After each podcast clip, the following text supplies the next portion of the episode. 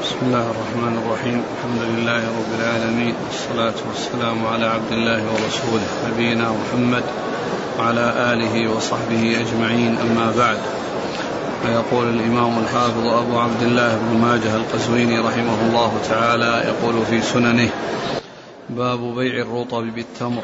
قال حدثنا علي بن محمد قال حدثنا وكيع وإسحاق بن سليمان قال حدثنا مالك بن أنس عن عبد الله بن يزيد مولى الأسود بن سفيان أن زيدا أبا عياش مولى بني مولى لبني زهرة. أخبره أنه سأل سعد بن أبي وقاص رضي الله عنه عن اشتراء البيضاء بالسلت. فقال له سعد أيتهما أفضل؟ قال البيضاء. فنهاني عنه وقال إني سمعت رسول الله صلى الله عليه وسلم سئل عن اشتراء الرطب بالتمر فقال أينقص الرطب إذا يبث؟ قالوا نعم فنهى عن ذلك. بسم الله الرحمن الرحيم. الحمد لله رب العالمين وصلى الله وسلم وبارك على عبده ورسوله نبينا محمد وعلى آله وأصحابه أجمعين. أما بعد فيقول الإمام ماجه رحمه الله باب بيع الرطب بالتمر. بيع الرطب بالتمر.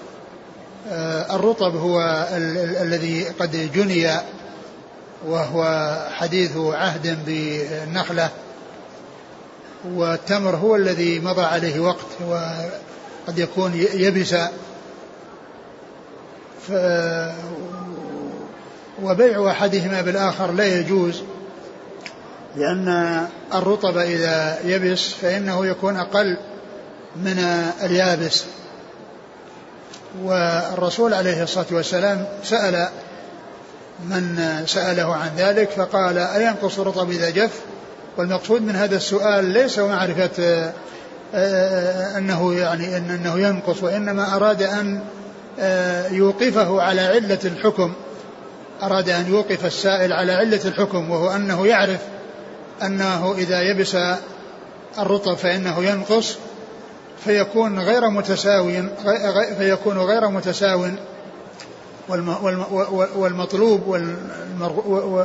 والذي على البائع والمشتري أن يكون آه، الجنس الواحد متساويا فلا يكون بعضهما أفضل من بعض. فلو بيع رطب بيابس أو بتمر فإنه إذا نقص إذا يبس فإنه ينقص فيكون مع ذلك أنه غير متساو.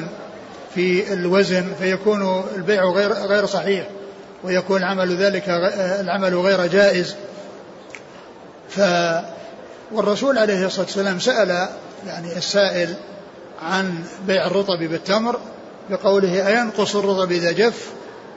من أجل أن يوقفه على علة الحكم وهو عدم التساوي. وهو على عدم التساوي. ليس المقصود من السؤال أن الرسول يريد أن يعرف هل هو ينقص أو لا ينقص بل هو يعرف. وهذا معلوم ولكنه أراد أن يوقف السائل على الحكم بعد معرفة علته وأن يكون السائل يكون قد عرف العلة وعرف الحكم فإنه لا يكون هناك تماثل في في المبيع أو في المبيع من جنس واحد. إلا أن الفرق بينه أن هذا رطب إذا يبس نقص وهذا يابس يكون أكثر منه وأعلى منه من ناحية الكمية. وذكر في الحديث أن سعد رضي الله عنه سئل أن سعد إيش قال؟ أول الحديث آه، زيد أبا زيد. عياش نعم. سأل سعد بن أبي وقاص عن اشتراء البيضاء بالسلت. عن اشتراء البيضاء بالسلت. البيضاء هي الشعير والسلت هو نوع بين الحنطة والشعير بين الحنطة والشعير ولكنه أقرب إلى الشعير. فسأل عن بيع هذا بهذا فنهى عن ذلك وذكر الحديث الذي فيه أن النبي صلى الله عليه وسلم لما سئل عن الرطب بيع الرطب بالتمر فقال ينقص إذا جف قال نعم قال فلا يعني إذا لا يجوز. ودل هذا على أن ما كان من جنس واحد وكان فيه تفاوت يعني في كون في الرطب واليابس وفي أنه يتغير آه، الوزن فيما إذا مضى وقت على أحدهما بسبب رطوبته فإنه آه، بذلك آه، لا يجوز لأنه لا بد من تساوي الجنس الواحد إذا بيع بجنسه فلا يكون بينهما فرق لا في الحال ولا في المستقبل نعم.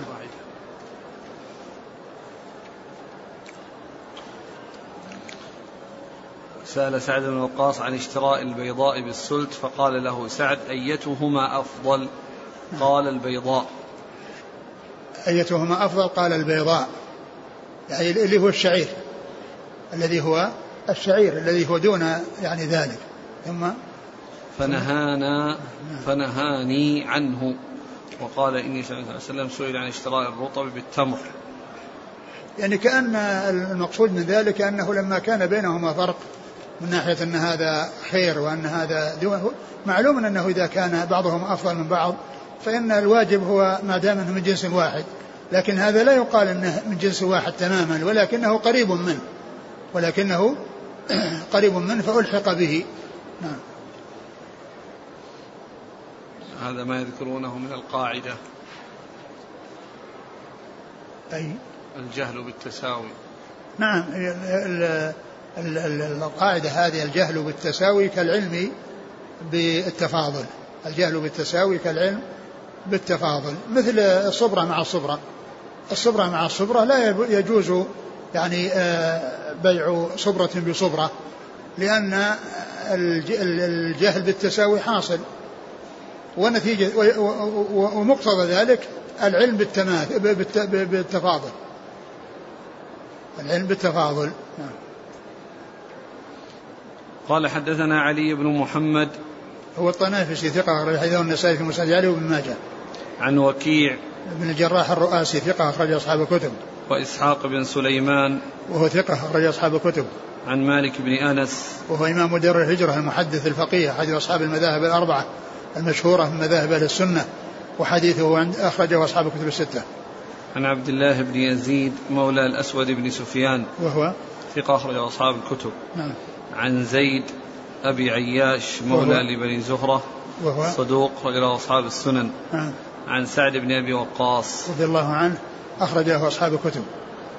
وقد قلت مرارا أن العشرة المبشرين بالجنة كلهم قد أخرج لهم أصحاب الكتب. هل يدخل في هذا المشمس مع الرطب؟ نعم.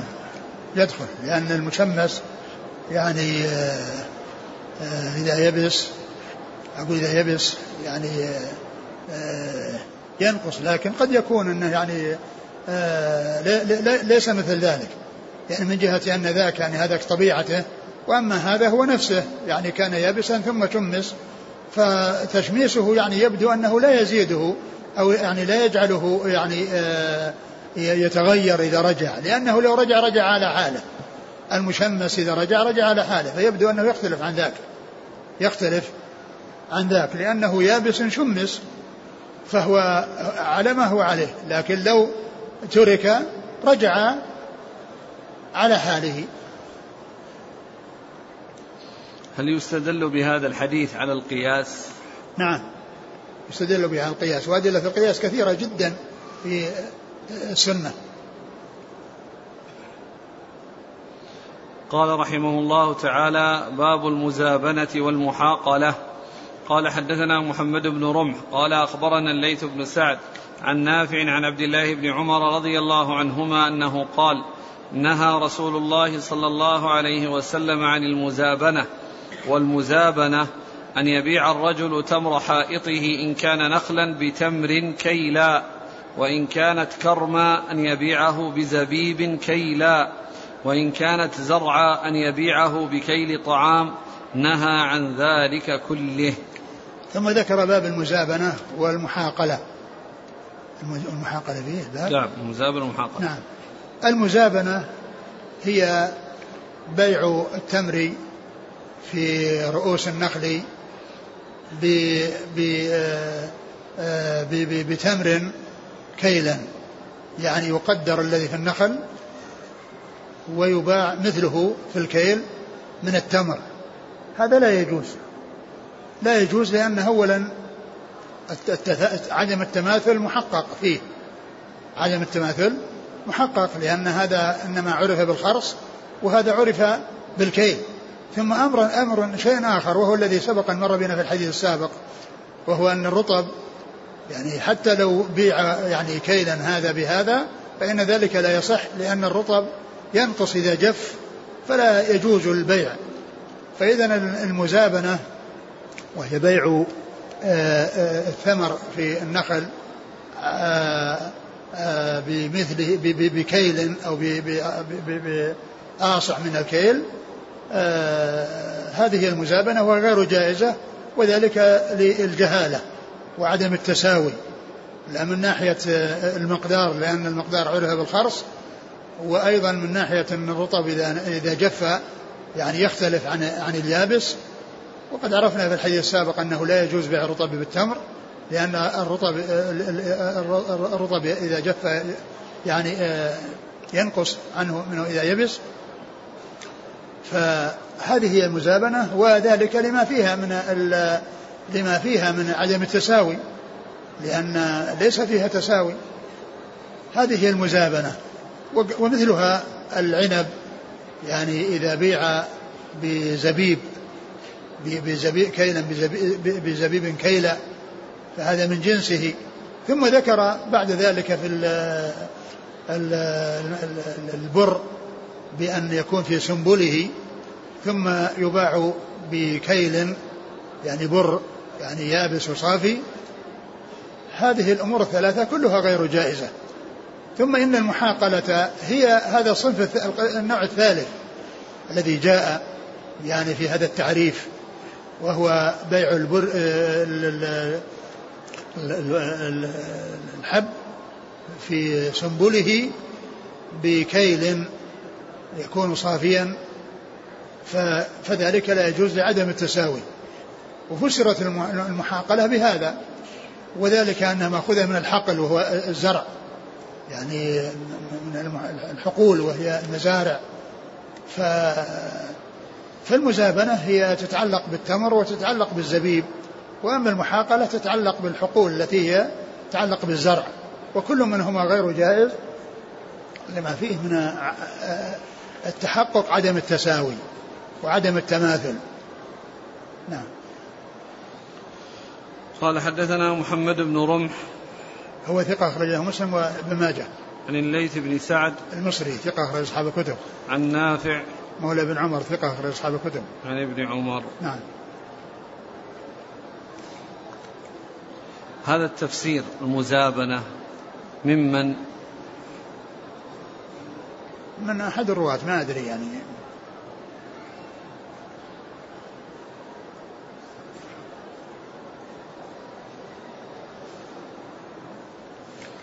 قال حدثنا أزهر بن مروان قال حدثنا حماد بن زيد عن أيوب عن أبي الزبير وسعيد بن ميناء عن جابر بن عبد الله رضي الله عنهما أن رسول الله صلى الله عليه وسلم نهى عن المحاقلة والمزابنة. ثم ذكر حديث جابر أن النبي صلى الله عليه وسلم نهى عن المحاقلة والمزابنة. قد عرفنا المحاقلة والمزابنة نعم. قال حدثنا أزهر بن مروان صدوق أخرج له. الترمذي وابن ماجه. نعم. عن حماد بن زيد. ثقة أخرج أصحاب الكتب. عن أيوب. بن أبي تيمية السختياني ثقة أخرج أصحاب الكتب. عن أبي الزبير. وهو محمد بن مسلم صدوق أخرج أصحاب الكتب. وسعيد بن مينا. أخرج هو؟ ثقة أخرج أصحاب الكتب نعم. إلا النسائي. نعم. عن جابر بن عبد الله. نعم. قال حدثنا هناد بن السري قال حدثنا أبو الأحوص عن طارق بن عبد الرحمن عن سعيد بن المسيب عن رافع بن خديج رضي الله عنه أنه قال نهى رسول الله صلى الله عليه وسلم عن المحاقلة والمزابنة. ثم ذكر حديث رافع وهو مثل حديث جابر المتقدم.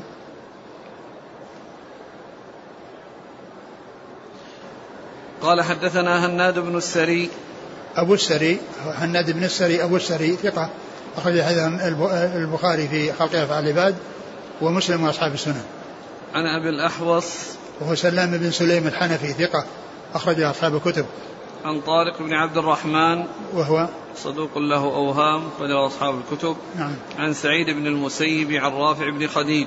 سعيد بن المسيب ثقة فقيه أخرج أصحاب الكتب. ورافع بن خديج رضي الله عنه أخرج أصحاب الكتب.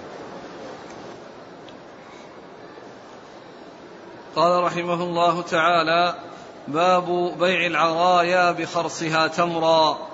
قال حدثنا هشام بن عمار ومحمد بن الصباح قال حدثنا سفيان بن عيينة عن الزهري عن سالم عن أبيه رضي الله عنه قال حدثني زيد بن ثابت رضي الله عنه أن رسول الله صلى الله عليه وسلم رخص في العرايا. ثم ذكر باب العرا باب العرايا باب بيع العرايا بخرصها, بخرصها تمرة.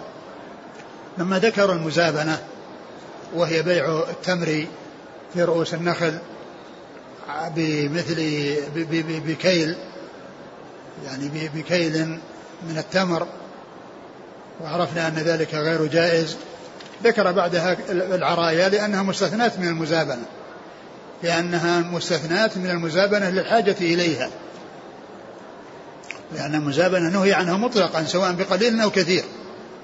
يعني وأما العرايا فإنه رخص فيها رخص فيها للحاجة إليها وتكون في حدود معينة في خمسة من الأوسق وأقل.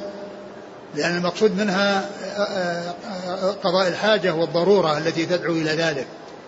والعرايا يعني أحسن ما قيل في تفسيرها أن آه، الإنسان آه، يكون عنده تمر وصاحب المزرعة بحاجة إليه و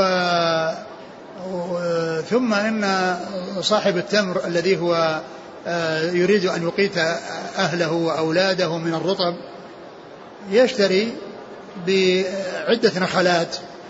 يعني مجموعة من النخلات يعني ما يشتري البستان كله أو يشتري شيء كثير وإنما يشتري شيئا على قدر حاجته هو أهله حيث يعني يتفكهون به ويستعملونه رطبا. فيتفق آه، صاحب المزرعة مع إنسان عنده تمر فيعين له عدة نخلات ويخرص مقدارها من الآصع. ثم يشترى بها تمر موجود عند عند عند الذي يريد أن يتعامل مع صاحب النخل فإنه يجوز ذلك للحاجة والضرورة.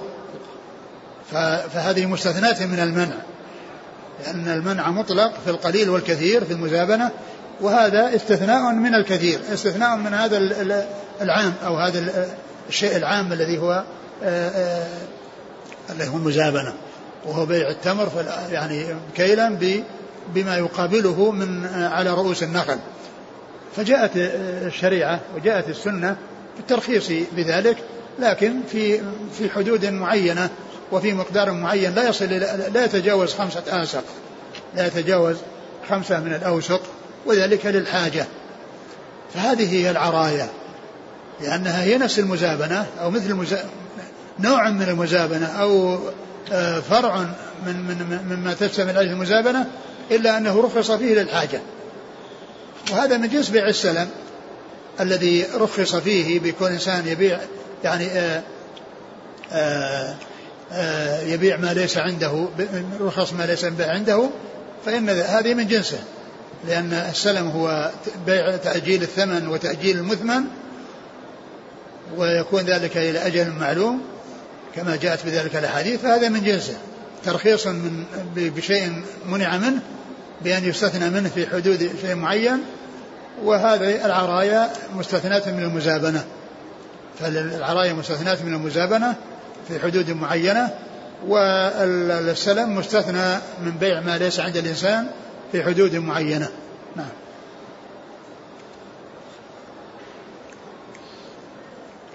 قال حدثنا هشام بن عمار. قال الحديث نفسه رخص صلى الله عليه وسلم في العرايا رخص في العرايا يعني هذا الترخيص يدل على أن في منع. يعني الترخيص يعني يأتي بعد المنع. ومن المعلوم أن المزابنة ممنوع منها ولكنه رخص في شيء منها. لم يرخص بها مطلقا وإنما رخص بشيء منها تدعو الحاجة إليه. نعم. قال حدثنا هشام بن عمار. صدوق خرجه البخاري وأصحاب السنن ومحمد بن الصباح. وهو صدوق خرجه داود بن ماجه. نعم. عن سفيان بن عيينة. ثقة أخرج أصحاب الكتب. عن الزهري. محمد بن مسلم بن عبد الله ثقة أخرج أصحاب الكتب. عن سالم عن أبيه. سالم بن عبد الله بن عمر ثقة أخرج له أصحاب الكتب. عن زيد بن ثابت. زيد بن ثابت أخرج أصحاب الكتب.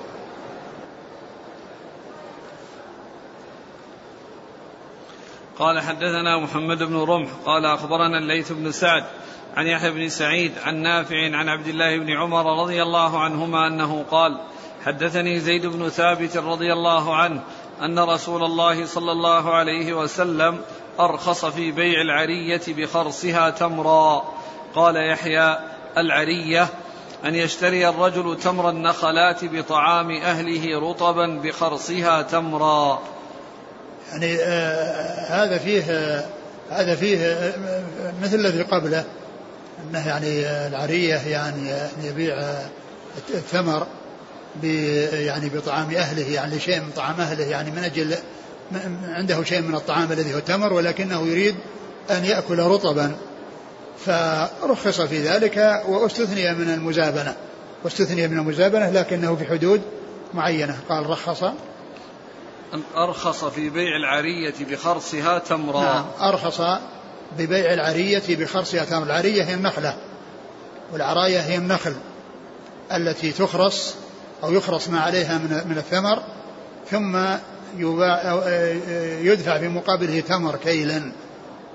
هذا ممنوع لأنه من المزابنة ولكنه رخص فيه للحاجة في حدود معينة وليس على الإطلاق. نعم. قال حدثنا محمد بن رمح عن الليث بن سعد عن يحيى بن سعيد. يحيى بن سعيد الأنصاري ثقة أخرج أصحاب الكتب. عن نافع عن ابن عمر عن زيد بن ثابت. نافع مولى بن عمر ثقة أخرج أصحاب الكتب. نعم هل يقاس على التمر والرطب العنب والزبيب؟ لا ما يقاس. ما يقاس لأن التمر هو القوت. هو القوت في المدينة.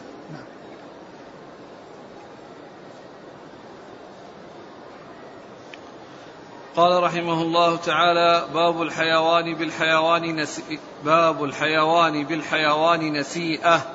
قال حدثنا عبد الله بن سعيد قال حدثنا عبدة بن سليمان عن سعيد بن أبي عروبة عن قتادة عن الحسن عن سمرة بن جندب رضي الله عنه أن رسول الله صلى الله عليه وسلم نهى عن بيع الحيوان بالحيوان نسيئة. ثم ذكر باب الحيوان بالحيوان نسيئة يعني حكم ذلك. يعني حكم بيع الحيوان بالحيوان نسيئة. يعني بيع الحيوان بالحيوان متفاضلا لا بأس به. لا بأس به بيع الحيوان بالحيوان متفاضلا مع التقابض بأن يبيع مثلا شاة بشاتين. لا بأس بذلك مع التقابض. يعني إذا حصل التفاضل. وإنما الكلام في النسيئة. هذه هي التي فيها الخلاف والتي جاءت الأحاديث. منها ما يدل على جوازها ومنها ما يدل على منعها. وأورد ابن ماجه هذا الحديث عن عن عن عن الصحابي. سمرة بن جندب. نعم سمرة بن جندب أن النبي صلى الله عليه وسلم نهى عن بيع الحيوان بالحيوان النسيئة. يعني المقصود هنا بيع الحيوان بالحيوان المقصود النسيئة وإلا فإن التفاضل جائز لأن قوله نسيئة والتنصيص على النسيئة هذا هو الذي يدل على بيع الحيوان بالحيوان متفاضلا يعني بأن تكون شاة بشاتين ولكن كونه يكون نسيئة هذا هو الذي فيه الخلاف وهذا الحديث يدل على منعه وعلى عدم جوازه. وقد اختلف العلماء في ذلك منهم من أجاز وهم جمهور العلماء وقالوا أن أن الحديث الذي فيه أن حديث عبد الله بن عمرو أن أنه أمره بأن يجهز جيشا فكان يبتاع البعير بالبعيرين إلى إبل الصدقة. يبتاع البعير بالبعيرين إلى إلى إبل الصدقة وهذا فيه التفاضل وفيه النسيئة. يعني فيه التفاضل وفيه النسيئة. البعير بالبعيرين متفاضل. وإلى إبل الصدقة يعني النسيئة ف وبعض أهل العلم منع من ذلك وقال إنه وبعض أجاز ذلك أجاز ذلك واستدل بحديث عبد الله بن عمر هذا الذي فيه بيع الحيوان بالحيوان متفاضلا. والحديث يعني هذا صححه بعض أهل العلم وضعفه بعضهم لأنه من رواية الحسن عن عن سمرة. ولا شك أن الاحتياط في ترك ذلك وعدم فعله يعني من باب من باب الاحتياط. وإلا فإن الحديث يعني فيه كلام وقد صححه بعض العلم لكن آه الاحتياط هو في الترك. يعني آه لأنه من من الشيء المشتبه. لأن بعض العلماء قد صحح هذا الحديث أو حسنه وذكر يعني له يعني شيئا من الشواهد ومن الحديث الذي بعده فإنه أيضا دال على ما دل عليه. نعم. وش الجواب يكون؟ نعم حديث سعد وش الجواب عليه؟ حديث سعد وين؟ اللي ذكرتم يبيع الإبل إلى إبل الصدقة لا هذاك عبد الله بن عمرو مش سعد. عبد الله بن عمرو. عبد الله بن عمرو نعم. وش الجواب عنه؟ ما أدري والله وش الجواب عنه ما ما أعرف يعني وش الجواب الذين قالوا بالجواز يعني بما أجابوا لعل الجواب إنه إنه ضعيف عندهم أو إنه يعني إنه ما صح أو إن فيه الكلام الذي فيه. أقول لعل هذا هو السبب. قال حدثنا عبد الله بن سعيد الأشج ثقة أخرج أصحاب الكتب. عن عبده بن سليمان ثقة أخرج أصحاب الكتب. عن سعيد بن أبي عروبة ثقة أخرج أصحاب الكتب. عن قتادة ثقة أخرج أصحاب الكتب. عن الحسن ثقة أخرج أصحاب الكتب. عن سمرة بن جندب. أخرج له أصحاب الكتب. حديث عبد الله بن عمرو ذكره الحافظ بن حجر في البلوغ أن النبي صلى الله عليه وسلم أمره أن يجهز جيشا. فنفدت الإبل فأمره أن يأخذ على قلائص الصدقة. قال فكنت آخذ البعير بالبعيرين إلى إبل الصدقة. رواه الحاكم والبيهقي ورجاله ثقات. نعم. يقول المحقق وإسناده ضعيف لكن قال البيهقي عقبة وله شاهد صحيح ثم ساقه بإسناده وصرح الحافظ في الدراية بأن إسناد البيهقي قوي.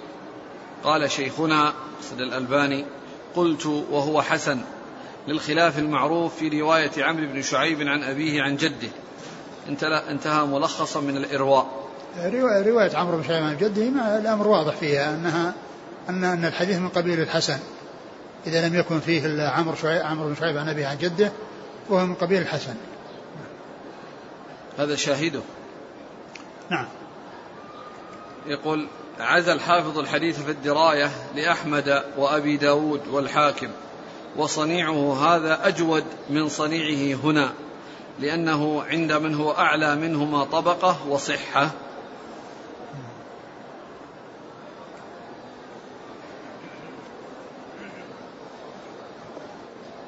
قال حدثنا عبد الله بن سعيد قال حدثنا حفص بن غياث وأبو خالد عن حجاج عن أبي الزبير عن جابر رضي الله عنه أن رسول الله صلى الله عليه وسلم قال لا بأس بالحيوان واحدا باثنين يدا بيد وكرهه نسيئة. ثم ذكر هذا الحي... قال عن إيش؟ عن عن جابر أن صلى الله عليه وسلم قال نعم. لا بأس بالحيوان. قال لا بأس بالحيوان بالحيوان يعني آه واحدا باثنين. نعم. يدا بيد. واحدا باثنين يدا بيد يعني أن التفاضل أن سائغ فيه لأن واحد اثنين تفاضل لكن يدا بيد يعني ليست نسيئة قال وكرهه نسيئة. وكرهه نسيئة يعني هي مثل قوله يعني آه تقابل يدا بيد. تقابل يدا بيد لأن يدا بيد يعني معناها أنها آه آه الذي هو التقابض لكن نسيئة يعني كون أحدهما مؤجل. أحدهما مؤجل. نعم. قال حدثنا عبد الله بن سعيد عن حفص بن غياث. هو ثقة أخرج له؟ أصحاب الكتب. نعم. وأبي خالد الأحمر. وهو؟ صدوق يخطئ أخرج له أصحاب الكتب. نعم. عن حجاج. وهو بن أرطاه وهو صدوق. كثير الخطأ والتدليس. نعم. البخاري في المفرد ومسلم وأصحاب السنن. نعم. عن أبي الزبير عن جابر. نعم. قال رحمه الله تعالى باب الحيوان بالحيوان متفاضلا يدا بيد. قال حدثنا نصر بن علي الجهضمي قال حدثنا الحسين بن عروة حا قال وحدثنا أبو عمر حفص بن عمرو قال حدثنا عبد الرحمن بن مهدي قال حدثنا حماد بن سلمة عن ثابت عن أنس رضي الله عنه أن النبي صلى الله عليه وسلم اشترى صفية بسبعة أرؤس.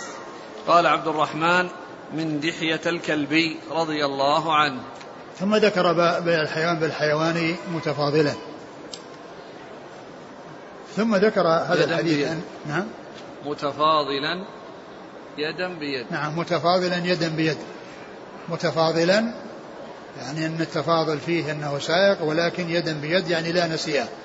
يعني ليس فيه نسيئة. ثم ذكر هذا الحديث أن النبي صلى الله عليه وسلم اشترى صفية.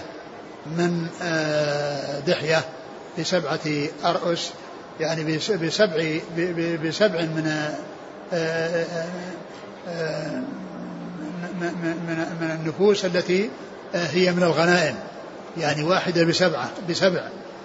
قالوا فهذا يدل على أن بيع الحيوان بالحيوان متفاضل أنه لا بأس لأن العبيد يعني يباعون ويشترون يباعون ويشترون ويجوز التفاضل فيهم لكن مع التقابض كما جاء في في الحديث. نعم.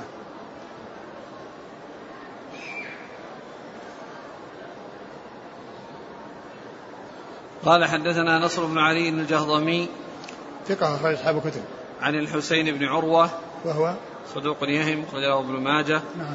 حا قال وحدثنا أبو عمر حفص بن عمرو. وهو الفلاس ثقة أخرج أصحاب الكتب. لا لا لا. أبو عمر حفص بن عمرو؟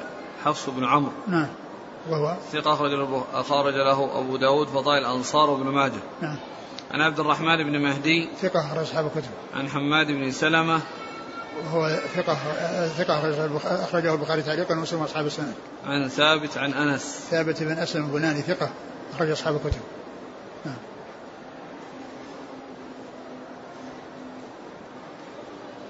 يقول ما حكم بيع السيارة بالسيارتين نسيئة؟ ما في بأس. لأن السيارات يعني لا يجري فيها الربا. السيارات والحديد. والحيوان؟ لا الحيوان هذا الذي عرفنا الخلاف فيه لكن ليس هو من الربويات اي بس إنه يعني الحديث اللي وردت فيه بخصوصه قال رحمه الله تعالى باب التغليظ في الربا قال حدثنا أبو بكر بن أبي شيبة قال حدثنا الحسن بن موسى عن حماد بن سلمة عن علي بن زيد عن أبي الصلت عن أبي هريرة رضي الله عنه أنه قال قال رسول الله صلى الله عليه وعلى آله وسلم أتيت ليلة أسري بي على قوم بطونهم كالبيوت فيها الحيات فيها الحيات ترى من خارج بطونهم. فقلت من هؤلاء يا جبرائيل؟ قال هؤلاء أكلة الربا. ثم ذكر باب التغليظ في أكل الربا. التغليظ في في الربا. التغليظ في الربا. آه، يعني بيان ما ورد فيه من آه، من خطورة هذا العمل, العمل وشدة ضرره وعظم عقوبته. تغليظ يعني بيان ما فيه من أحاديث ونصوص تدل على غلظه وعلى خطورته وعلى عظمه وأنه آه، من أعظم الذنوب وأخطرها وأشدها. ثم ذكر هذا الحديث في الإسراء أنه أنه مر بأناس يعني بطونهم ترى الحيات من ظاهرها في بطونهم حيات وترى من ظاهرها وبطونهم كبيرة وضخمة. فسأل جبريل عن ذلك فقال هؤلاء أكلت الربا. هؤلاء أكلت الربا. نعم أكلت الربا. المقصود يعني ذكر الأكل ليس الأمر يعني يختص بالأكل لأن تحريم الربا الربا حرام سواء أكل الإنسان الربا أو أو لبس هذا الذي حصل عن طريق الربا أو اشترى به سيارة أو اشترى به بيت كل ذلك آه، هو حرام. لكنه ينص على الأكل لأنه أكثر وجوه الانتفاع. مثل ما قال الله عز وجل إن الذين يأكلون أموال اليتامى ظلما. يعني ليس المقصود منوط بالأكل. لو أخذ أموال اليتامى واشترى فيها سيارة أو اشترى فيها أراضي أو اشترى فيها ألبسة أو اشترى فيها أي نوع هو يعني آه، آه، هو هو يعني من ناحية آه، أنه محرم سواء أكل أو لم يؤكل لكنه ينص على الأكل لأنه أعم وجوه الانتفاع والحديث ضعيف يعني من حيث الإسناد فيه علي بن زيد وفيه أبو الصلت. نعم. قال حدثنا أبو بكر بن أبي شيبة.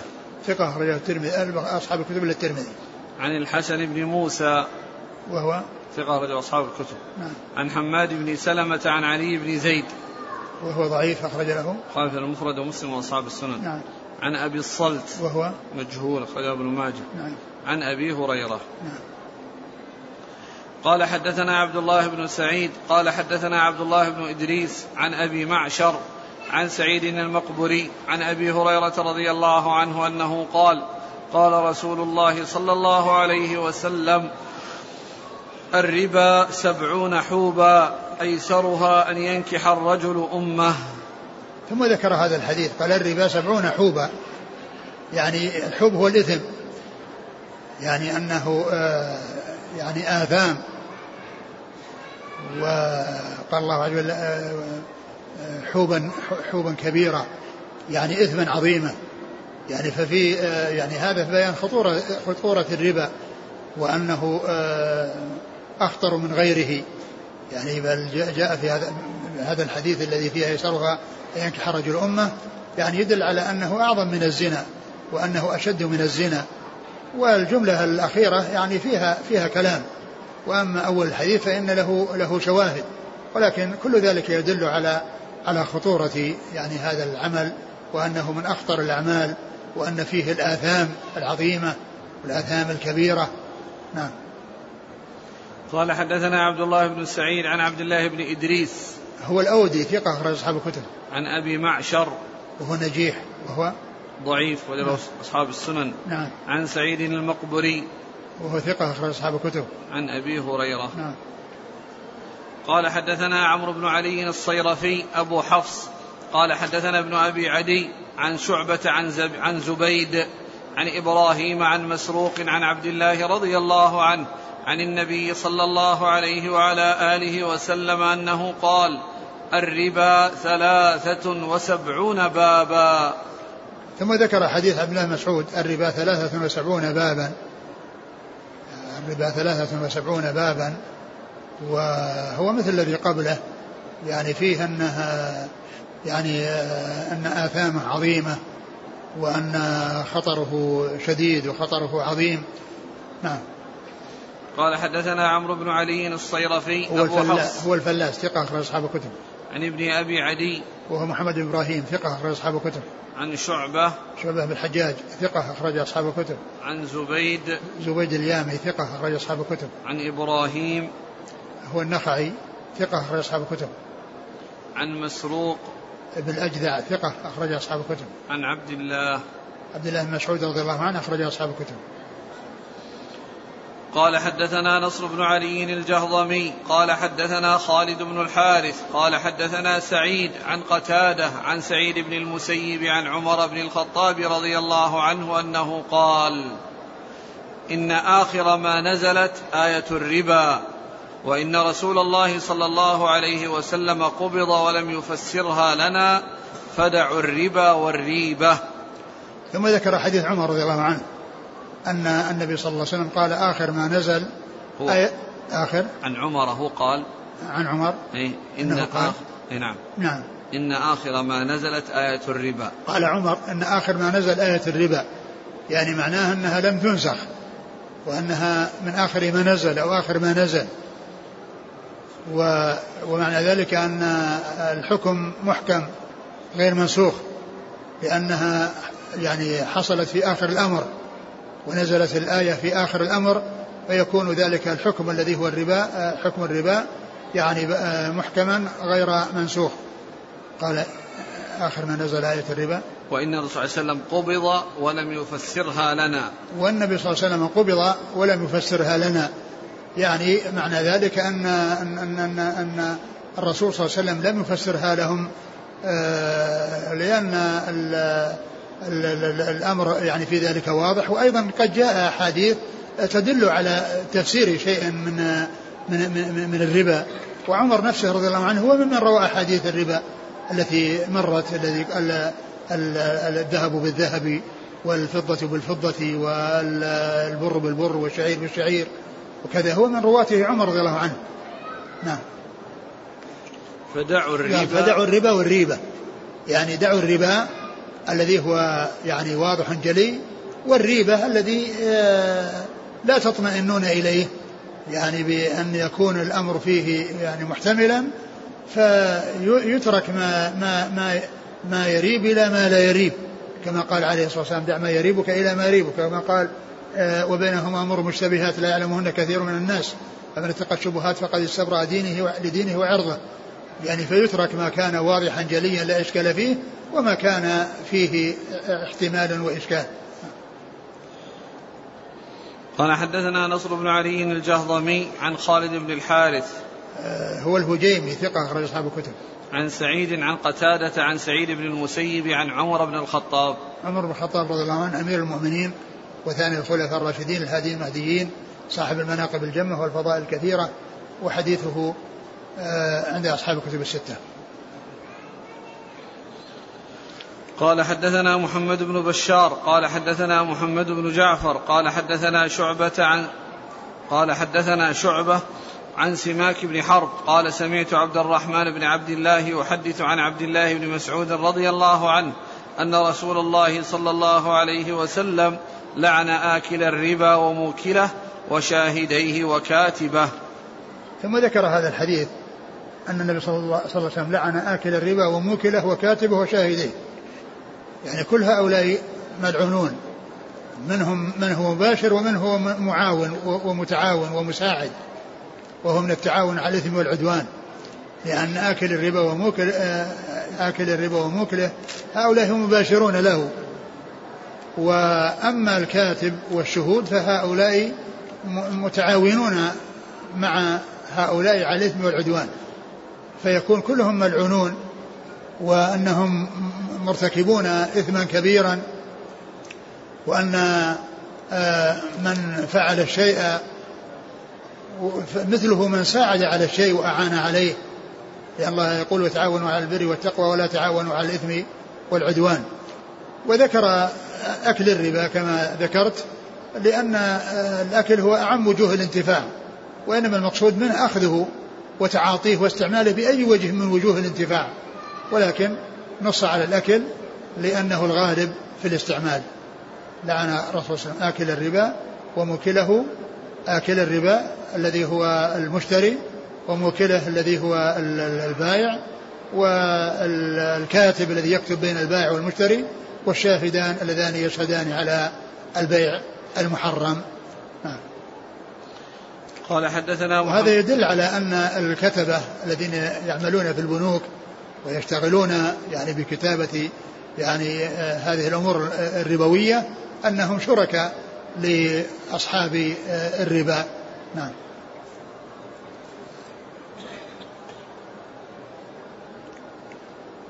قال حدثنا محمد بن بشار هو بن دار ثقة أخرج أصحاب الكتب. عن محمد بن جعفر هو غندر ثقة أخرج أصحاب الكتب. عن شعبة عن عن سماك بن حرب. وهو صدوق أخرج البخاري تعليقا ومسلم أصحاب السنن. عن عبد الرحمن بن عبد الله. هو ابن مسعود ثقة أخرج له. أصحاب الكتب. نعم. عن عبد الله بن مسعود. نعم. وعبد الرحمن هذا ابن عبد الله هو الذي به يكنى لأن كنيته أبو عبد الرحمن. كنية عبد الله مسعود أبو عبد الرحمن فهذا الذي يروي عنه في الإسناد ابنه الذي يكنى به. قال حدثنا عبد الله بن سعيد قال حدثنا إسماعيل بن علية عن قال حدثنا داود بن أبي هند عن سعيد بن أبي خيرة عن الحسن عن أبي هريرة رضي الله عنه أنه قال قال رسول الله صلى الله عليه وعلى آله وسلم ليأتين على الناس زمان لا يبقى منهم أحد إلا آكل الربا. فمن لم يأكل فمن لم لعله آكل الربا. ليأتين على الناس زمان لا يبقى منهم أحد إلا آكل الربا فمن لم يأكل أصابه من غباره. ثم ذكر هذا الحديث الذي فيه ابتلاء الناس بالربا وأنه يأتي على الناس زمان آه، لا يبقى أحد إلا وهو آكل للربا وإن لم يأكله فإنه يصل إليه شيء من غباره. يعني أنه يصل إليه شيء منه ولا لم يباشره بالأكل. ولكن الحديث غير صحيح في إسناده ضعف. قال حدثنا عبد الله بن سعيد عن إسماعيل بن علية. إسماعيل بن إبراهيم بن مقسم الأسدي المشهور بابن علية نسبة إلى أمة وهو ثقة أخرج أصحاب الكتب. عن داود بن أبي هند. وهو ثقة البخاري تعليقا ومسلم وأصحاب السنن. نعم. عن سعيد بن أبي خيرة. وهو, مقبول. أبو داود والنسائي بن ماجه. نعم. عن الحسن عن أبي هريرة. الحسن بن أبي الحسن ثقة أخرج أصحاب الكتب. نعم، ففيه هذا المقبول وفيه آه، الحسن وهو مدلس. انتهى الباب. بقي بقي حديث. نعم. قال حدثنا العباس بن جعفر. قال حدثنا عمرو بن عون. قال حدثنا يحيى بن أبي زائدة عن إسرائيل عن ركين بن الربيع بن عميلة عن أبيه. عن ابن مسعود رضي الله عنه عن النبي صلى الله عليه وسلم أنه قال ما أحد أكثر من الربا إلا كان عاقبة أمره إلى قلة. ثم ذكر هذا الحديث ما أحد أكثر من الربا يعني أنه استكثر منه وحصله كثيرا أو صار عنده منه كثرة إلا كان أمره إلى قلة لأن الله يمحق الربا ولا وينزع منه البركة. فيكون ضررا عليه وفائدته غير كبيرة بالنسبة له وإنما يحصل العقوبة على ذلك في آه، لأن كل ما يحصل من الربا يعني مهما كثر فإنه يعاقب على كل شيء يحصل فيزداد بذلك الإثم ويكثر إثمه ولكنه يكون أمره إلى قلة لأن الله تعالى يمحق الربا وينزع البركة منه فلا يكون حصل منه الفائدة الحقيقية وإنما حصل المضرة المحققة إن لم يتجاوز الله عنه. نعم. قال حدثنا العباس بن جعفر هو؟ صدوق ابن ماجه. نعم. عن عمرو بن عون وهو؟ ثقة أخرج أصحاب الكتب. نعم. عن يحيى بن أبي زائدة ثقة أخرج أصحاب الكتب. عن إسرائيل. ثقة أخرج أصحاب الكتب. عن زك عن ركين بن الربيع بن عميلة. وهو؟ ثقة أخرج البخاري في المفرد ومسلم وأصحاب السنن. نعم. عن أبيه. عن أبيه وهو؟ ثقة أخرجه مسلم وأصحاب السنن. نعم. عن ابن مسعود. نعم. شوف هذا اللي هو آه، بن عميلة وش اسمه؟ الربي ركين بن الربيع بن عميلة. كيف التقريب؟ ضبط الاسم. إيه؟ مرة ضبطه في ترجمة الحفيد قال بالفتح. في ترجمة الأب ضبطه بالضم. ترجمة الأب ضبطه بالضم؟ نعم. قال مصغرا. في ترجمة ركين يقول آه، ركين بالتصغير بن الربيع بن عميلة بفتح المهملة الفزاري. قال أبو الأشبال راجع التعليق عليه في ترجمة الربيع بن عميلة. في ترجمة الربيع قال الربيع ابن عميلة بمهملة ولام مصغر. هذا كلام الحافظ؟ نعم. ها. كوفي ثقة من الثاني. نعم. وش قال في التعليق؟ يقول آه، وزاد في حاء الفزاري وعلى هامشها كذا ضبطه القاضي عياض في المشارع. عميلة بضم العين. ولكن ضبط ولكن ضبط المصنف عميلة بفتح أوله في ترجمة حفيده ركين بن الربيع بن عميلة. وفي ترجمة ابنه يسير ابن عميلة فليحرر. يسير الظاهر كذلك.